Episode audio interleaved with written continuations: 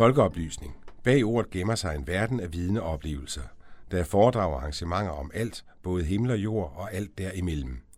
Men hvad nu, hvis der er et spændende foredrag i Skagen, og du bor på Falster, eller du bor i Haderslev, og der bliver afholdt et arrangement i Roskilde, om lige netop det emne, du interesserer dig for? Eller hvad nu, hvis du bare ikke lige har tid? Svaret er den elektroniske folkeoplysning, programmet du lytter til netop nu. Vi drager land og rige rundt for at dække foredrag og andre spændende arrangementer, så du ikke går glip af noget. Du får mulighed for at høre hele foredraget eller arrangementet, og du kan få en marketerning, vores skarpe journalistiske sammendrag. Det hele kan du finde på vores hjemmeside efolkeoplysning.dk og på vores Facebook-side, som også hedder efolkeoplysning. Her følger så et af vores programmer, som er et sammendrag af et arrangement. Det lange og fulde arrangement kan du, som nævnt, finde på vores hjemmeside.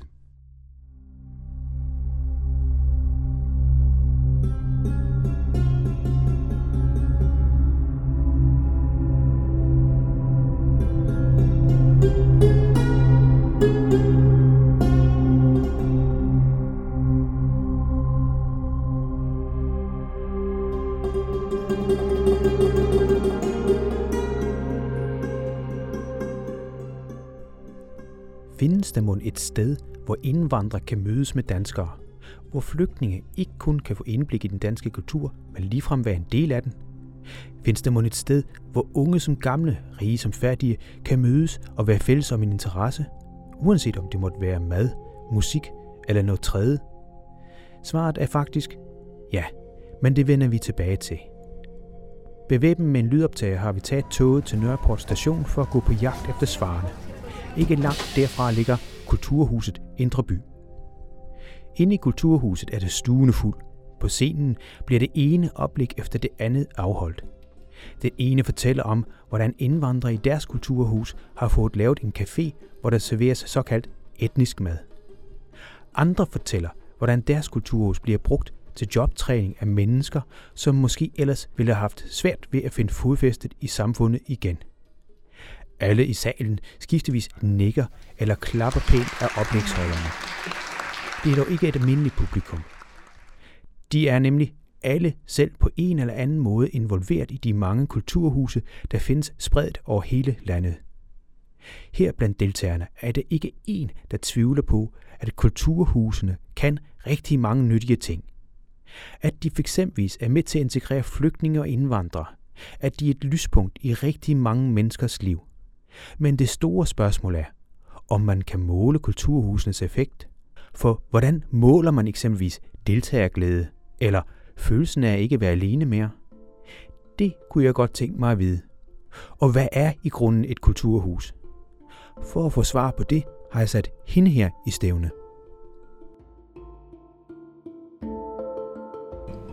Ja, jeg hedder Birgit Eriksson, og jeg er lektor på Aarhus Universitet på Institut for Kommunikation og Kultur. Øh, og jeg har arbejdet med et forskningsprojekt her øh, om øh, deltagelse i europæiske kulturhuse. Det har jeg lavet sammen med to øh, kolleger, Carsten Stage og Camilla Møring Restoff, som også begge to er fra Aarhus Universitet. Kulturhusene, altså jeg forstår kultur, og jeg forstår hus, men hvad er kulturhuse? Kulturhuse, det er en type en type kulturinstitutioner, som findes alle vegne i Europa, kan man sige. Så det er nogen, som typisk blander. Man kan sige, at der er tre ting, der karakteriserer dem. De har øh, steder til at opføre kunst. At de har for eksempel scener, eller de har øh, udstillingslokaler, hvor man kan hænge malerier på væggene, eller, og de har øverum, og de har værksteder, altså hvor folk selv kan øve, selv kan praktisere. Øh, så man kan både komme til arrangementer og høre koncerter eller citaterstykker, eller man, og man kan selv øve sig, og der er tit... Øh, der foregår tit undervisningsaktiviteter, altså kurser i dans, kurser i keramik, kurser i tegning, den slags. Ikke? Øhm, og så har de tit også en café øh, og mulighed for, at, at man kan bruge lokaler til det, man nu har brug for dem til. Så de kan bruges af forskellige øh, foreninger. Altså i det kulturhus, vi er i lige nu, spiller man for eksempel også badminton. Øh, og de er meget forskellige, kan man sige, men de blander den der ting af plads til initiativer nedefra med kulturelle aktiviteter, hvor folk, amatører, selv udfolder sig, og så professionelle aktiviteter, som man kan deltage i øh, eller være publikum til. Er de private ejet, eller er de offentlige ejet? Det er faktisk forskelligt. Øh, nogle af dem er selvejende. Øh, altså, nogle af dem er lavet af kunstnere eller aktivister, som eller beboere, altså nogle af dem er opstået i 70'erne som beboerdemokratiske øh, huse, øh, forsøg på at gøre noget mere kollektivt. Øhm, nogle af dem er helt nye og er opstået, for eksempel godsbanen i Aarhus kunne være et eksempel på noget, der er, sådan, er forsøg på fra kommunens side at lave sådan en, et kreativt knudepunkt med iværksættere og med andre, for at fremme kreativitet og innovation og den slags i regionen. Er det primært et byfænomen? Nej, de findes også, øh, altså i, øh, der er en del forsamlingshuse, som, som man også kan definere som, som kulturhuse egentlig, ikke? som godt kan findes i, øh, i landsbyer, landområder. Ja, for jeg tænker netop på forsamlingshuse, jeg tænker også på kulturhusene på Grønland, hvor man jo på flår, flår en sæl og så videre, der her er de jo ja. på boerhuse, ja. øh, med boerhuse i boligkvarterer. Er de alle sammen kulturhuse? Altså, jeg vil ikke sige, at nogen ikke er kulturhuse, altså, men jeg vil sige, at dem, vi har interesseret os for i det projekt, vi har lavet, det er nogen, der forener en altså interesse i kunst og kultur med en interesse i mere sociale dagsordner. Ikke? Så de skal ikke kun have en kunstnerisk agenda, altså øh, og et ønske om at fremvise den bedste kultur, eller den bedste kunst, eller noget i den stil. De skal også have en interesse i øh, sociale fællesskaber, i at løse sociale problemer. Og de huse, der gør begge de ting, øh, er for mig at se kulturhuse på en anden måde end kunstinstitutioner, og på en anden måde end rene sociale institutioner er. Ikke? Men nogle af dem er så, altså, og det er de for eksempel i nogle små byer, er de i tilknytning til biblioteket. Øh, og mange biblioteker har udviklet sig til i meget høj grad at være kulturhuse, altså fordi folk låner færre bøger, men kommer så for nogle andre ting nogle arrangementer måske øh, i stedet for. Ja, og foredrag og alt muligt andet. Ja, og værksteder, hvor de kan, selv kan gøre noget, makerspaces, øh, altså øh, ting, hvor man kan, kan arbejde. Øh, Birgit Eriksen, hvis jeg sådan tænker, mens jeg kørte herhen i toget, der var der også nogen, der snakkede om, det var, det var pensionister, og, og de havde så været på højskole. Mm. Er det et kulturhus? Ja, altså der er, i hvert fald i dag er der jo en, øh, til det her arrangement, øh, i Kulturhunden er der en højskolemand. Normalt vil jeg ikke sige, at de var det. Altså, øh, og det er fordi, de ikke er åbne. Altså, øh, det er fordi, det er øh, elever, der betaler for at være der, og så er det dem, der er der. Ikke? Altså noget af det, der for mig at se også kendetegner kulturhusene, er jo, at de er åbne for, at man kan komme, og man kan komme og deltage i det, man nu gerne vil. Altså, man kan drikke kaffe i caféen, man kan gå til en koncert, eller man kan bruge øh, keramikværkstedet. Ikke? Altså, men det er muligt, at man kan gå ind fra gaden, og det er et ikke-kommercielt rum, og dermed mener jeg ikke, at højskolerne er kommercielle, men de har en defineret brugergruppe, øh, som er afgrænset af dem, der har betalt, ikke? og det har kulturhusene ikke. Øh. Hvis vi vender tilbage til din forskning, som jeg er helt sikker på, at øh, du brænder for at fortælle om, du, du forsker lidt i effekten af de her huse. Øh, hvad er effekten af de her huse? Altså det, vi har forsket i, det er, hvordan de arbejder med borgerinddragelse, brugerinddragelse. Altså, hvordan de er åbne for, at borgere kan deltage og selv kan altså udfolde sig og få medbestemmelse og selv definere, hvad der foregår. Ikke? Altså, og de effekter, altså de, så, der har vi så identificeret seks deltagelsesformer og ni øh, deltagelseseffekter, kan man sige. Så det er egentlig ikke effekter af kulturhusene som sådan, det er effekter af, at, at de inddrager borgere som aktive og medbestemmende i, hvad der foregår. Øh. Og de, nogle af de effekter, der er der, jamen altså, for individet kan det være altså, velvære simpelthen. Man har det sjovt. Men det kan også være, at man bliver inkluderet i et fællesskab. Øh, det kan være, at man nyder at være sammen med andre og lave noget sammen med andre. Det kan være inklusion af marginaliserede grupper i samfundet. Det er der mange kulturhus, der arbejder med. Det kan både være ensomme ældre, eller det kan være øh, unge, som er marginaliserede af den ene eller den anden grund. Øh, Altså så følelser af fællesskab, men det kan også være æstetiske oplevelser sammen. Ikke? Eller det kan være, at man føler sig stærkere ved, at man lærer noget. Altså at man faktisk, øh, og det er jo ikke formel uddannelse, det er for eksempel at blive undervist i dans, ikke? Altså, eller i teater. At man er med til at lave et teaterstykke, hvis man aldrig har gjort det før. Øh, så det kan det faktisk være en, en myndiggørende og... Øh, oplevelse for en, ikke? Altså, øh, at man kan udtrykke sig, man kan lave noget sammen med andre, og man kan lave noget, der for andre er værd at se på os. Øhm, så er der mange kulturhus, der arbejder med, med bæredygtighed, altså som for eksempel, for eksempel har de repair-caféer, ikke? hvor man kan komme med sine ting, og så kan man og så er der nogen, der sidder, som kan finde ud af at øh, reparere din printer, ikke? eller øh, gøre noget andet, eller sy dit tøj. Øh. Og det er jo noget, hvor man også kan bidrage altså med det, man kan, men også få noget med hjem. Ikke? Altså øh, med deleøkonomier, øh, genbrug, øh, forskellige af den slags ting. Jeg tænker jo, det lyder vældig godt, men alting har jo en bagside. Hvad er så bagsiden ved de her kulturhusene? Jamen altså, øh, bagsiden kan man sige, at specielt deltagelsen er, at altså det positive er, at de inddrager rigtig mange frivillige. Ikke? Altså der er rigtig mange engagerede folk, der kommer og deltager i det her. Bagsiden er, at der også er frustrationer, og at man kører folk ned. Ikke? Altså, øh, fordi der er ikke mange ressourcer i det her system. Altså, der er ikke mange økonomiske ressourcer, og folk kan kaste al deres energi ind i det. Øh, og simpelthen også øh, ja, blive overarbejdet uden at få noget igen. Ikke? Simpelthen stresssyndrom? Ja, stress eller, eller måske frustrationer, ikke? altså over, at det ikke lønner sig på en eller anden måde. Ikke? Altså fordi deltagelsesprocesser er jo også besværlige, fordi der er forskellige interesser, der er forskellige kompetencer, der er forskellige motivationer, øh, der er forskellige prioriteringer. Altså hvis jeg kaster al min energi ind i at lave en festival for unge, og de andre så kun kaster halvdelen af deres energi ind i, ikke? så er det jo frustrerende. Det gør mig ikke nødvendigvis stresset, men det, kan, men det, giver, men det gør mig frustreret. Ikke? Altså, øh, og det der med, hvis man ikke prioriterer det, eller hvis man vil noget forskelligt, altså, og det er jo bagsiden af demokratiet, kan man sige, eller hvis man inddrager folk som deltagere ikke? i lige beslutningsprocesser, prøver at lave lige beslutningsprocesser, så kommer der også konflikter og frustrationer. Øh.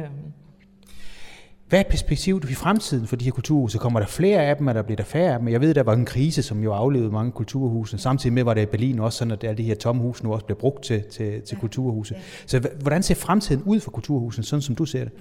Jeg tror, de forandrer sig. Øhm, om der kommer flere eller færre, det ved jeg faktisk ikke. Øh, der er kommet nogen nu, der er meget store. Ikke? Altså øh, i Aarhus, som jeg kender rigtig godt, øh, er godsbanen et eksempel. Ikke? Altså, og det kan jo godt suge energi ud af nogle af de små, ikke? fordi man så hellere vil ned på godsbanen, fordi de har bedre værksteder måske, ikke? Altså, end de har i de små. Så skal man cykle lidt længere for det. Ikke? Øh, men det kan jo gøre, at nogle af dem, der er meget funderet i et lokalt miljø, at de så forsvinder.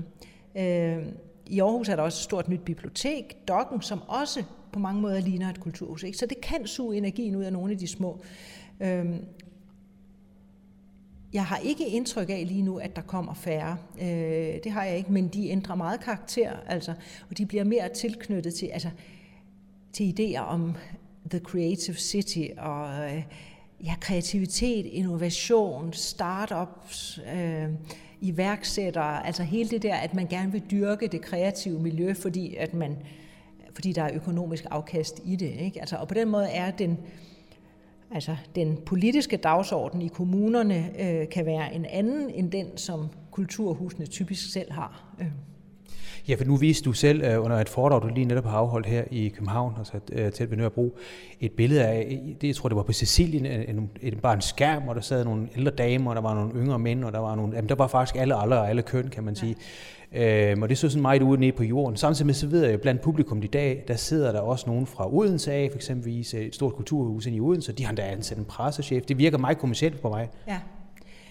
Jamen, jeg ved ikke, om det er kommercielt, altså, men de skal jo leve. Altså, øh, det, øh, altså, kommercielt bliver let så også en måde at slå folk i hovedet på, ikke? Altså, men de bliver nødt til at være professionelle på at søge midler. Ikke? Altså, og det er faktisk også noget af det, som øh, jeg godt kunne tænke mig, at vores forskning kan være med til, ikke? At, at kulturhusene bliver mere bevidste om deres styrker, altså, øh, og hvad de kan, ikke? Altså, også for at i talesætte dem over for andre, ikke? Altså, øh, og komme med nogle andre argumenter end dem med, at det skal bidrage til innovation og vækst, og øh, altså, at, øh, hvad det er, de kan faktisk. Ikke? Øh, og det bliver man nødt til at være professionel omkring, tror jeg, altså, øh, hvis det skal virke.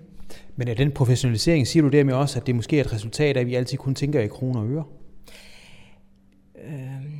Nej, det ved jeg ikke, men det er heller ikke sådan, at den kun er, altså i vores øh, forskning, der, der har vi set mange nye kulturhuse, som er lavet af kunstnergrupper eller aktivistgrupper. Det er bare ikke i Danmark, vi har fundet dem. Altså, det er faktisk meget i Sydeuropa og i Østeuropa. Og det tror jeg hænger sammen med altså, øh, en anden form for velfærdssamfund også. Ikke? Altså, at det trods alt er nemmere i Danmark at få støtte til at lave de her ting, ikke? Øh, end det er i både syd og øst. Øh, så, og det er ikke et argument for, at det så ikke skal være der i Danmark, men jeg tror bare, at hvis det ikke er der, så kommer der altså en anden type initiativer. Ikke? Altså, som, så er det mere nogle nedlagte fabrikshaller, øh, uden varme i, hvilket også går en lille smule bedre i Sydeuropa, ikke? men hvor man så i gang sætter noget. Altså. Øh, og det kræver jo et andet engagement, ikke? Altså, og det er en anden form for professionalisering, der så er der. Ikke? Og det er typisk nogen, der så har snævere dagsordner, ikke? Altså, eller den gruppe, der så initierer det, det er dem, der bestemmer selvfølgelig, hvad, der så, øh, hvad det er for en profil, man, der kommer til at være. Ikke? Øh, ja. Jeg tænker lidt på, hvis der nu sidder en borgmester eller et byrådsmedlem derude, der lytter til det her, det er der jo en god grund til, at det nok gør. Øh, hvad skulle argumentet være for, at de skulle støtte sådan noget? Det skulle være, at det kunne, øh, at det for relativt få midler kan have rigtig mange positive konsekvenser, både for individer og for fællesskaber og for, og for øh, den lokale udvikling, vil jeg sige. Øh, altså, det kan give folk store oplevelser, og det kan give dem fællesskaber, og det kan give dem medindflydelse, og det kan gøre, at folk, der måske ellers ikke deltager i det kommunale liv, øh, og ikke bidrager, og ikke føler, at de har nogen indflydelse, faktisk kommer til at få en meget konkret indflydelse på deres lokalområde. Øh, så det, øh, det vil være argumentet.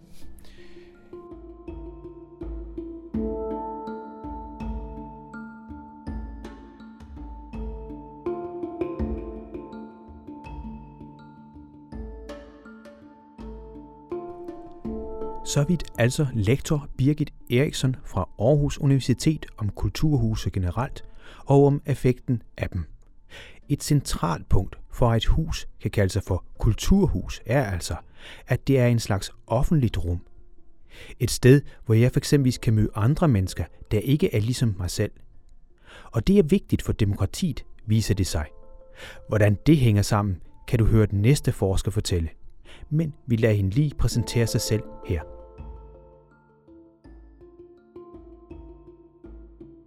Jeg hedder Jørdis Brandrup Kortbæk, og jeg er postdoc på øh, kulturstudier på Syddansk Universitet i Odense. Hvis jeg siger offentlig, hvad betyder det i grunden? Offentlig, det er et begreb, øh, der er rundet af oplysningstiden. Øhm, det handler om at øhm, øh, kan man sige, give adgang for den almindelige befolkning til både det offentlige rum, men også til kultur og kulturinstitutioner. Øhm, det vil sige, det, det offentlige, eller offentlige betyder øh, åben, øh, og det betyder også øh, adgang, kan man sige. Øhm, øh, det offentlige rum øh, er kendetegnet ved, at det er her, man møder øh, en anden end en selv. Det vil sige, det er et mødested for forskellige øh, mennesker, øh, som mødes i det offentlige rum, som, som på mange måder var kendetegnet for det, som vi kender som handels- og industribyen, hvor man mødtes om hverdags- og arbejdsliv, øh, og boede i vid udstrækning også i bymidterne, i byens offentlige rum. På den måde så var byens rum, udover at de var offentlige, så var de også karakteriseret ved, hvilket er en del af, af offentlighedsbegrebet, at det er et rum, hvor man kan ytre sig og være uenige. Det vil sige, det er et rum for forskelle, kan man sige. Øhm, ja, det kan man sige, det grundlæggende øh, karakteristik af det offentlige rum. Jeg ved, du synes, at det offentlige øh, rum er vigtigt for demokratiet. Hvad, er sammenhængen mellem offentlighed og, og demokratiet? Det offentlige rum er vigtigt for demokratiet, fordi vi her møder øh, hinanden. Øh, demokratiet, kan man sige, der er jo forskellige teorier omkring, hvad der ligger i demokratiet, men, men, men øh, en af de vigtige øh, tilgange til demokrati, det er, at udgangspunktet for demokrati, altså udgangspunktet for medbestemmelse og et oplyst grundlag at tage stilling på, det er, at vi kender til forskellige tilgange. Vi kender til forskellige måder at leve på, vi kender til forskellige holdninger. Øhm, og det er det offentlige rum udtryk for. Altså det offentlige rum er det sted, hvor vi møder forskelle, møder andre mennesker, der, der ikke ligner os selv. Og derfor er det offentlige rum vigtigt i et demokrati.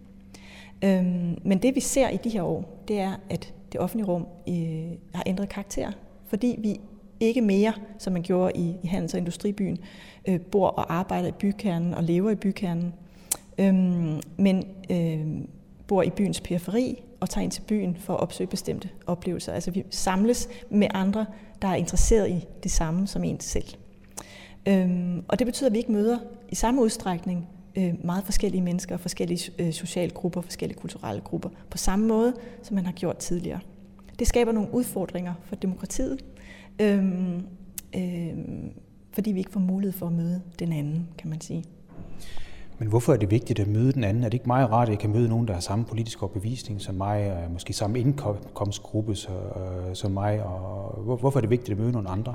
Fordi et demokrati er baseret på, at vi opnår en fælles forståelse for hinanden på tværs af forskelle. Fordi demokrati er baseret på, at alle skal have alle stemme er vigtig i et demokrati.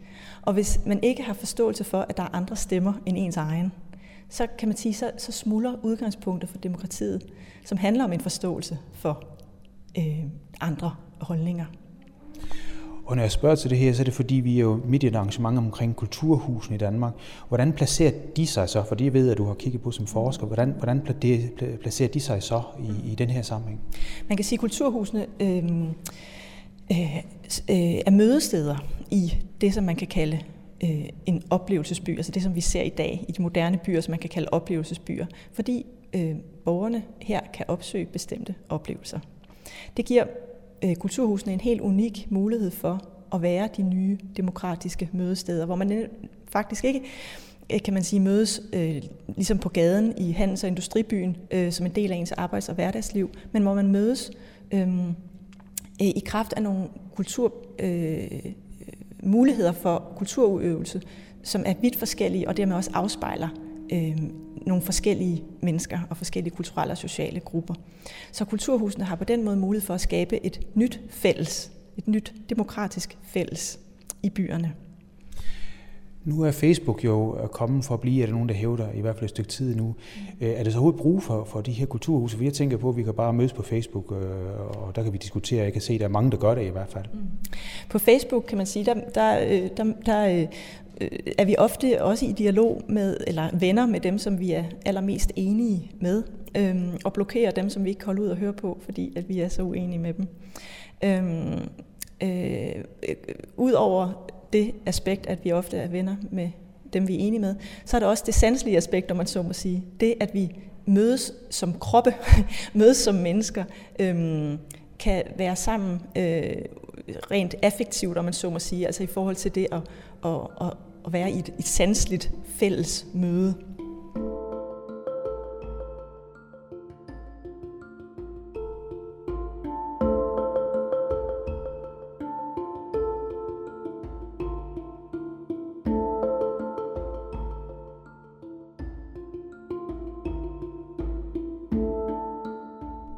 Så vidt altså Jørdis Brandrup Kortbæk om kulturhusenes betydning for selve demokratiet.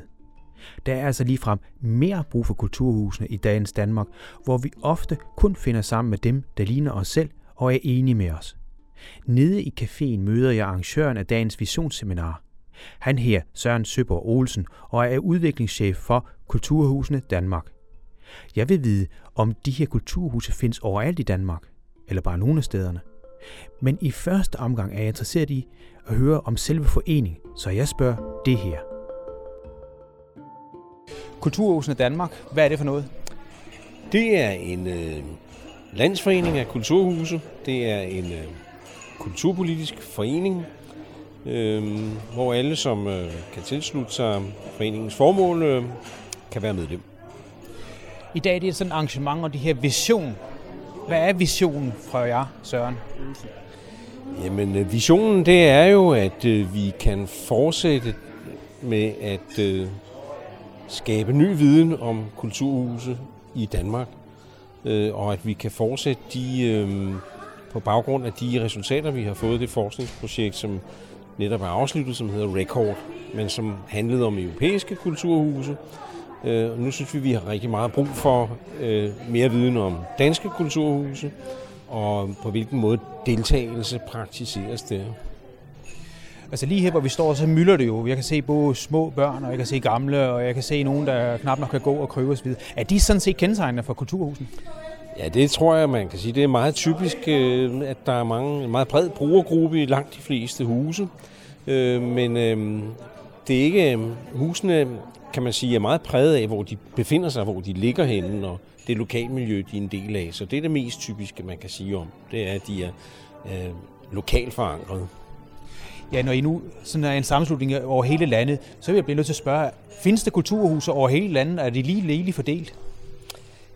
Ja, jeg tror, at det, det må man sige, de er. Hvis man ser dem på et kort, og sådan et har vi også inde på vores hjemmeside, så vil man nok synes, at de 90 øh, medlemmer, vi har, de er fordelt pænt ud over hele landet.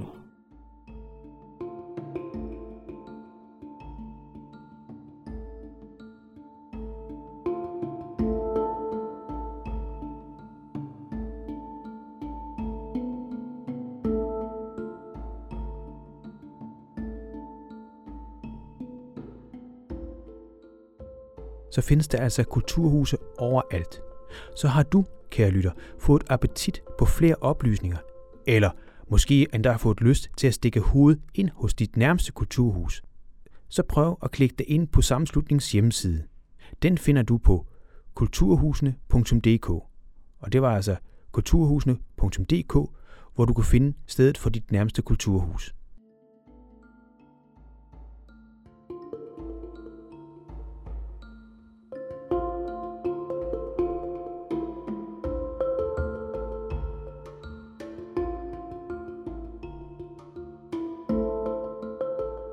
Du har netop hørt den elektroniske folkeoplysning. Du finder os på efolkeoplysning.dk og på Facebook under samme navn. Her kan du både finde hele foredrag og journalistisk bearbejdede magasinprogrammer. Det er podcast for arrangementer over hele landet om alt mellem himmel og jord. Det du kan være sikker på er, at det er skarpt, det er relevant, og det kan være ny og overraskende viden. Journalist Jan Simmen har stået for redigering og tilrettelæggelse, og det er Radio Mælkebøtten, der har produceret lyden. Tovholder på projektet er SLR TV, mens det er Dansk Folkeoplysnings Samråd, der støtter projektet finansielt.